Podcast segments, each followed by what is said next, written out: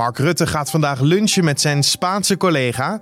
Een nieuw seizoen van De Slimste Mens. En Suriname kiest vandaag een president en vicepresident. Maar wat zullen de grootste uitdagingen worden voor de nieuwe kopstukken?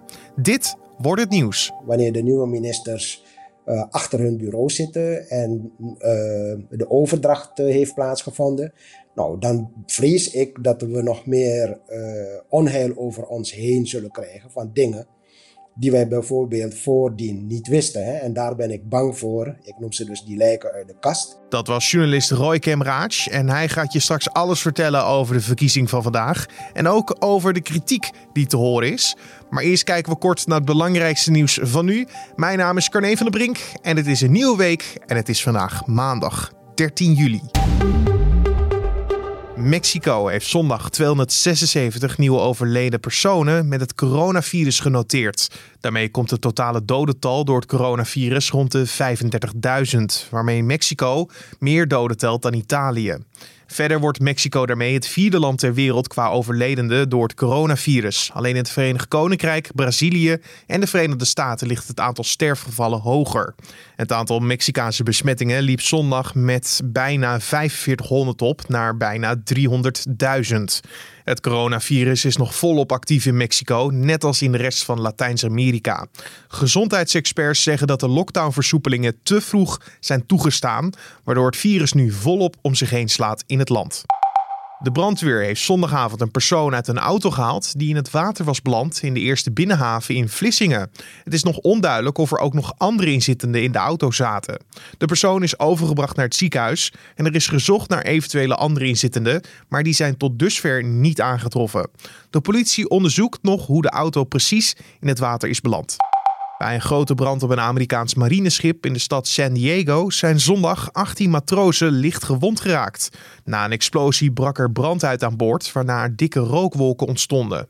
18 matrozen zijn dus met lichte verwondingen overgebracht naar het ziekenhuis. De overige 148 bemanningsleden konden het schip verlaten. Het schip lag voor routineonderhoud in de haven van San Diego. En hoe de explosie en brand precies zijn ontstaan is nog onduidelijk. Het 14-jarige meisje dat zaterdagavond vermist raakte ten noorden van Buren op Ameland is zondagavond nog niet aangetroffen. De Koninklijke Nederlandse Reddingsmaatschappij heeft de zoekactie naar het meisje definitief gestaakt. Er wordt vanuit gegaan dat het meisje niet meer leven is. De politie houdt wel de kustlijn van Ameland in de gaten, mocht het lichaam van het meisje aanspoelen. Volgens RTV Noord gaan maandagochtend wel 20 garnalenvissers op zoek naar het meisje. Het Duitse meisje verdween zaterdagavond rond half elf toen ze met haar vader en zusje in de branding naar de zonsondergang keek. Volgens de KNRM zorgde de sterke stroming in de zee er mogelijk voor dat de gezinsleden afdreven. De vader en de jongste dochter konden zelf het strand weer bereiken. Het 14-jarige meisje raakte vermist en is dus nog altijd niet gevonden. En dan gaan we ons licht laten schijnen op wat er vandaag in Suriname gaat gebeuren. In mei werden daar namelijk de parlementsverkiezingen gehouden. En toen was het de vraag wie wint er, Santokki of de zittende president Bouterse. De verkiezing liep uit tot een groot verlies voor Bouterse en Santokki werd met zijn partij de grootste. Vandaag kiest het parlement van Suriname, de Nationale Assemblée, wie de nieuwe president en vicepresident van het land gaan worden. Veel keus is er niet, want er staan maar twee namen op de lijst. Chan Santokki voor het presidentschap en Ronnie Brunswijk voor het vicepresidentschap. Als het gaat om de kandidatuur van Ronnie Brunswijk als vicepresident, is niet iedereen enthousiast. Dit vanwege zijn criminele verleden en zijn loopbaankeuzes van het heden. Wat deze verkiezingen van vandaag precies dan voorstellen, vroeg ik aan journalist Roy Kemraaj. Nou, in die bijzondere vergadering later vandaag, ongeveer drie uur vanmiddag Nederlandse tijd, uh, moeten de leden van het parlement, dat zijn er 51, uh, eh, degenen die zich kandidaat hebben gesteld voor het presidentschap en het uh, vicepresidentschap, daar moet dan op gestemd worden. Het is zo goed als zeker dat de enige kandidaten voor deze verkiezing zullen zijn Chan Santoki en Ronnie Brunswijk, die nu de functie bekleedt van voorzitter van het parlement. Hè. Hij heeft ook gezegd dat hij gaat voor het uh, vicepresidentschap. Toen had ik iets van, ja, maar waarom laat je je dan toch installeren als voorzitter van het parlement? Dat vond ik een beetje merkwaardig.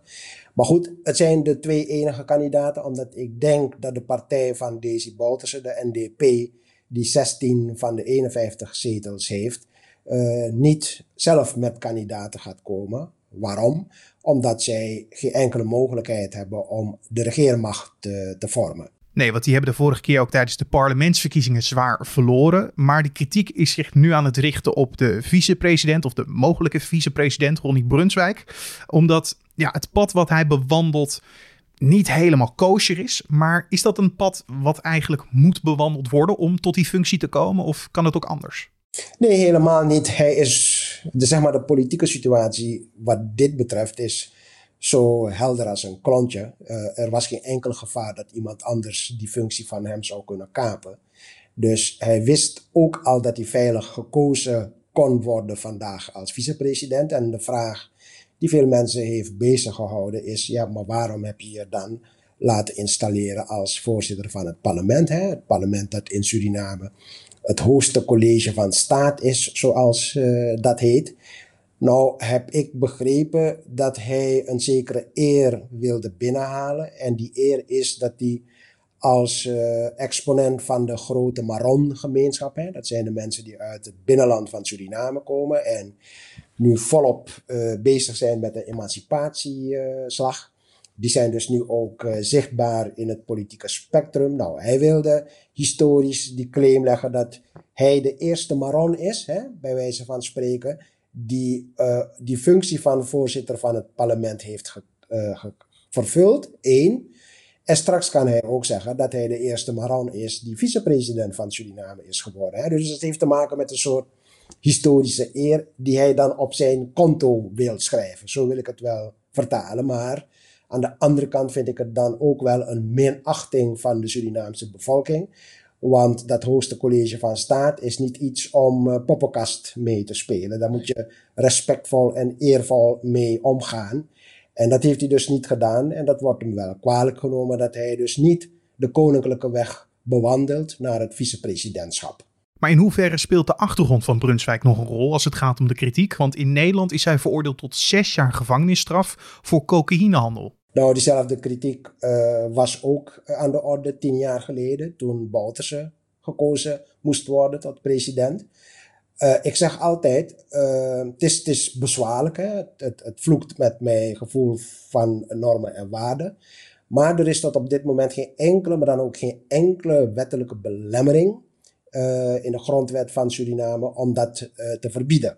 Dus de politici van vroeger hebben nagelaten om ook dit soort gaten in de grondwet te, te dichten. En ja, als er geen grondwettelijke belemmering is, dan kan hij verkozen worden tot vicepresident. Net zoals tien jaar geleden deze Bouterse werd gekozen tot president van Suriname. Gevolg is natuurlijk wel dat vanwege dat internationaal opsporingsverzoek dat nog steeds geldt voor Bouterse, en ook nog steeds geldt voor Brunswijk, dat hij natuurlijk als vicepresident niet uh, veilig kan reizen naar het buitenland. Hij kan niet naar Frans-Guyana, want daar wordt hij ook gezocht.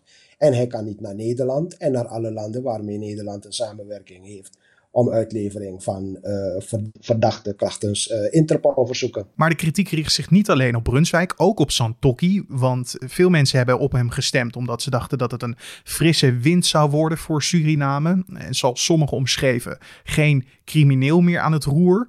Uh, maar dat gebeurt eigenlijk nu weer met Brunswijk ja, het lukt niet onder alle omstandigheden in Suriname hè, om, om, om clean, met een clean government uh, situatie uh, te starten.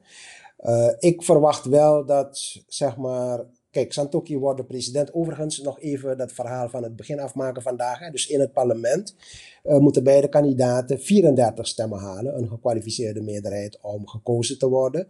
Uh, Santoki heeft zelf uh, als coalitie 33, maar een andere partij die voorheen met Bouterse werkte. De BEP heeft twee zetels. Die hebben al gezegd dat ze de kandidatuur zullen ondersteunen.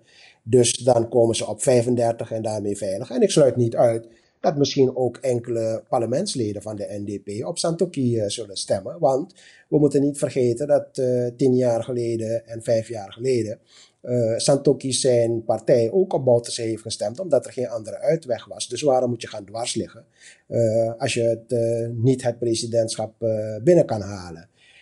En bovendien is de situatie ook nog zo, wat die verkiezing van vandaag betreft. Mocht het niet lukken, om wat voor reden dan ook, om de president en de vicepresident vanmiddag te kiezen, dan is er nog altijd de weg naar de Verenigde Volksvergadering voor Nederlandse luisteraars om dat een beetje inzichtelijk te maken. Dat is een vergadering van alle 150 Kamerleden plus leden van de provinciale staten bij elkaar opgeteld. En daar is een gewone meerderheid voldoende om gekozen te worden. Maar zoiets organiseren in Suriname kost klauwen vol geld. En dat geld is er niet. De staatskas is gewoon leeg. Maar even terugkomend op de kritiek die er natuurlijk nu, nu is. Uh, u zegt ook dat dat de, de stap nog te groot is om dus een kabinet te krijgen zonder een crimineel verleden. Dat is bijna niet te doen. Geen, er is geen ander alternatief in Suriname op dit moment om een regering te vormen zonder deze Brunswijk die tien zetels heeft. Want hij heeft gewoon een groot aantal zetels gekregen tijdens de vorige verkiezingen. Dus om een meerderheid te bewerkstelligen, moet je wel in zee gaan met hem. Ja, want uh, het is natuurlijk uitgesloten dat Santoki zou gaan samenwerken met de NDP van Boutersen, want dat had ook wel gekund. En dat zou nog veel erger zijn. Hè? Dus moreel-ethisch uh, niet aanvaardbaar dat dat dan zou gebeuren. Net hadden we het al over de vorige president, Desi Bouterse. Hij verloor zwaar tijdens de vorige verkiezingen. Uh, maar nu verdwijnt hij helemaal uit de schijnwerpers? Of maakt hij zich klaar voor, voor de rechtbanken... naar aanleiding van bijvoorbeeld de, de decembermoorden? Hoe gaat het eruit zien, denkt u? Nou, wat nog loopt in Suriname is zijn hoger beroep. Hè? De, hij heeft... Uh uh, hoger beroep ingesteld. En dat is nu in behandeling. Er moet, geloof ik, eind juli een zitting plaatsvinden. En dan zal blijken of zijn uh, beroep uh, ontvankelijk wordt verklaard of niet. Indien het niet ontvankelijk wordt verklaard, dan wordt de strafeis bekrachtigd. En dat betekent dat hij 20 jaar de cel in moet. En iedereen speculeert erover of dat ook daadwerkelijk gaat gebeuren. niemand wil daarop vooruitlopen. Er zijn maatschappelijke discussies geweest in Suriname van een aantal, bijvoorbeeld de kerken, hè, die hebben zich gebogen over dat vraagstuk van ja, hoe moeten we daarmee omgaan hè? als die uh, straf uh, onherroepelijk wordt, moet die dan gaan zitten, moeten we niet een andere oplossing zoeken. Ik denk dat dat ook wel speelt in de hoofden van mensen die uh, nu aan de macht zullen komen. Maar dat ze daar op voorhand niks over gaan zeggen, omdat we eerst de uitspraak in dat hogere beroep moeten afwachten. Ja, want hij is straks zijn onschendbaarheid natuurlijk kwijt, omdat hij uh, zijn presidentschap over moet dragen. Dat absoluut. Dus de onschendbaarheid is hij kwijt. Uh, maar terugkomend op zijn veroordeling in Nederland, die uh, Interpol-signalering, die staat nog steeds overeind. Dus uh, hij kan ook niet naar het buitenland, uh, want dat risico is groot dat Nederland dan om zijn uitlevering kan vragen. Maar zou Santokki dan straks als president kunnen zeggen: we gaan uh, Bouterse uitleveren aan Nederland? Suriname levert zelf geen Surinaamse onderdanen uit. Dat staat in de Surinaamse grondwet, dat kan niet gebeuren. Maar als hij in het buitenland is, en Nederland vraagt aan een bevriende natie waar Bouterse is om zijn uitlevering, dan gaat dat natuurlijk wel gebeuren. Maar er gaat dus een nieuwe wind waaien in Suriname vanaf deze week. En wat zullen de grootste uitdagingen zijn voor de nieuwe kopstukken? Nou, persoonlijk vind ik, we weten allemaal dat het land bankroet is. Hè. Internationale ratingbureaus die hebben Suriname al de slechtste cijfers gegeven. Er is in de afgelopen weken zwaar onderhandeld over een buitenlandse lening waarvoor de eerste aflossing had moeten plaatsvinden. Die hebben ze een beetje kunnen uitstellen. Dus dat geeft al aan dat het uh, een, een, ramp is, hè, dat, uh, dat financieel plaatje nu in Suriname. En Santoki heeft ook wel een goed uitgewerkt plan hè, van hoe hij uh, de zaak gaat aanvliegen in de eerste 100 dagen, bij wijze van spreken. Hè. Er komt er een cash, crash programma om een aantal dingen ten goede te keren. Maar ik zeg, voor het zover is, moeten we eerst weten welke lijken er nog meer in de kast liggen. Hè. En dat zal de komende maand wel blijken. Wanneer iedereen, wanneer de nieuwe ministers uh, achter hun bureau zitten en uh, de overdracht heeft plaatsgevonden, nou, dan vrees ik dat we nog meer uh, onheil over ons heen zullen krijgen van dingen die wij bijvoorbeeld voordien niet wisten. Hè? En daar ben ik bang voor. Ik noem ze dus die lijken uit de kast. En ik wacht belangstellend af uh, wat op dat gebied nog over ons heen zal komen in uh, de komende tijd. Dat was journalist Roy Kemraach. Vandaag dus om drie uur de buitengewone openbare vergadering in Suriname. Met erin de verkiezing van de president en vicepresident. De inauguratie zal donderdag in Suriname plaatsvinden. En dan vertel ik je nog even wat er verder op de agenda voor vandaag staat. En dat is dat premier Mark Rutte vandaag weer bezoek krijgt. Ditmaal ontvangt hij de Spaanse premier Sanchez voor een werklunch op het Katshuis in Den Haag. Het gesprek tussen de twee vindt plaats in aanloop naar de extra Europese Raad van komend weekend. Hier zal onder meer worden gesproken over het Europees Herstelfonds. Spanje is zwaar getroffen door het coronavirus, maar Nederland wil niet dat de miljarden aan steun zomaar worden overgemaakt aan zwaar getroffen Zuid-Europese landen. Maar staat hierin steeds meer alleen. En ondanks het coronavirus gaan vanaf vandaag weer een sloot BN'ers met elkaar de strijd aan in de quiz De Slimste Mens. Het nieuwe seizoen is opgenomen in coronatijd en de makers hebben dus maatregelen moeten nemen. Zo zijn de uitzendingen zonder publiek en zitten de deelnemers op gepaste afstand van elkaar. Verder blijft alles zoals het was. Philip Freriks is terug als presentator en Maarten van Rossum is er als hoofd van de jury en de spelrondes zijn ook hetzelfde gebleven. In de eerste uitzending nemen journalist en opiniepeiler Gijs Rademaker, zangeres Shirma Rouse en voetballer Bart Vriends het tegen elkaar op. En het nieuwe seizoen van De Slimste Mens is dus vanaf vandaag elke werkdag om tien over half negen te zien op NPO 2. En dan het weer. In de ochtend schijnt de zon, maar later op de dag neemt de bewolking vanuit het westen toe. Het blijft wel overal droog en het wordt tussen de 20 en 24 graden. En er staat een zwakke tot matige westenwind. In de nacht van maandag op dinsdag valt er wat regen. En ook op de dinsdag is het een stuk natter. En om af te sluiten nog even dit. Toch een verlenging noodzakelijk zou zijn, schoot Ajax de Atletico-illusies weg. Al werden de Amsterdammers daarbij een beetje geholpen door de Madrileense doelman. Rodri greep namelijk mis op een afstandsschot van Suurbier. En toen stond Ajax met 2-0 voor.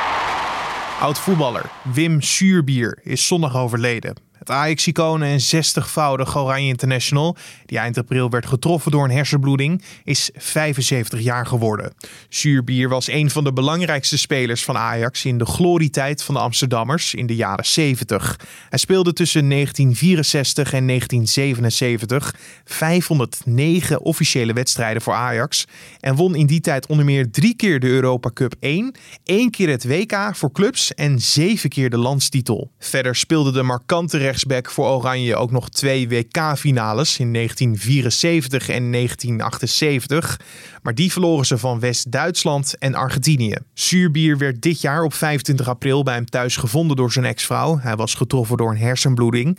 Hij lag sindsdien op de intensive care van het VUMC in Amsterdam. Maar hij heeft de strijd niet gewonnen. Wim Suurbier is 75 jaar geworden. Wim Suurbier. Schot Wim Suurbier! Is het doelpunt of is het het niet?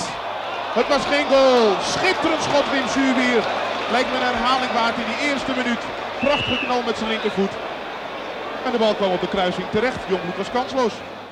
En dit was dan de Dit wordt het nieuws podcast voor deze maandagochtend 13 juli. Je vindt deze podcast in de ochtend en in de middag op de voorpagina van nu.nl en in je favoriete podcast app, zoals een Spotify, Apple Podcast of Google Podcast. Heb je vragen of suggesties voor ons? Stuur ze altijd door via podcast@nu.nl. Dat is ons mailadres podcast@nu.nl en je kan altijd een recensie achterlaten bij Apple Podcast. Mijn naam is Carne van der Brink. Bedankt voor het luisteren en een hele mooie maandag.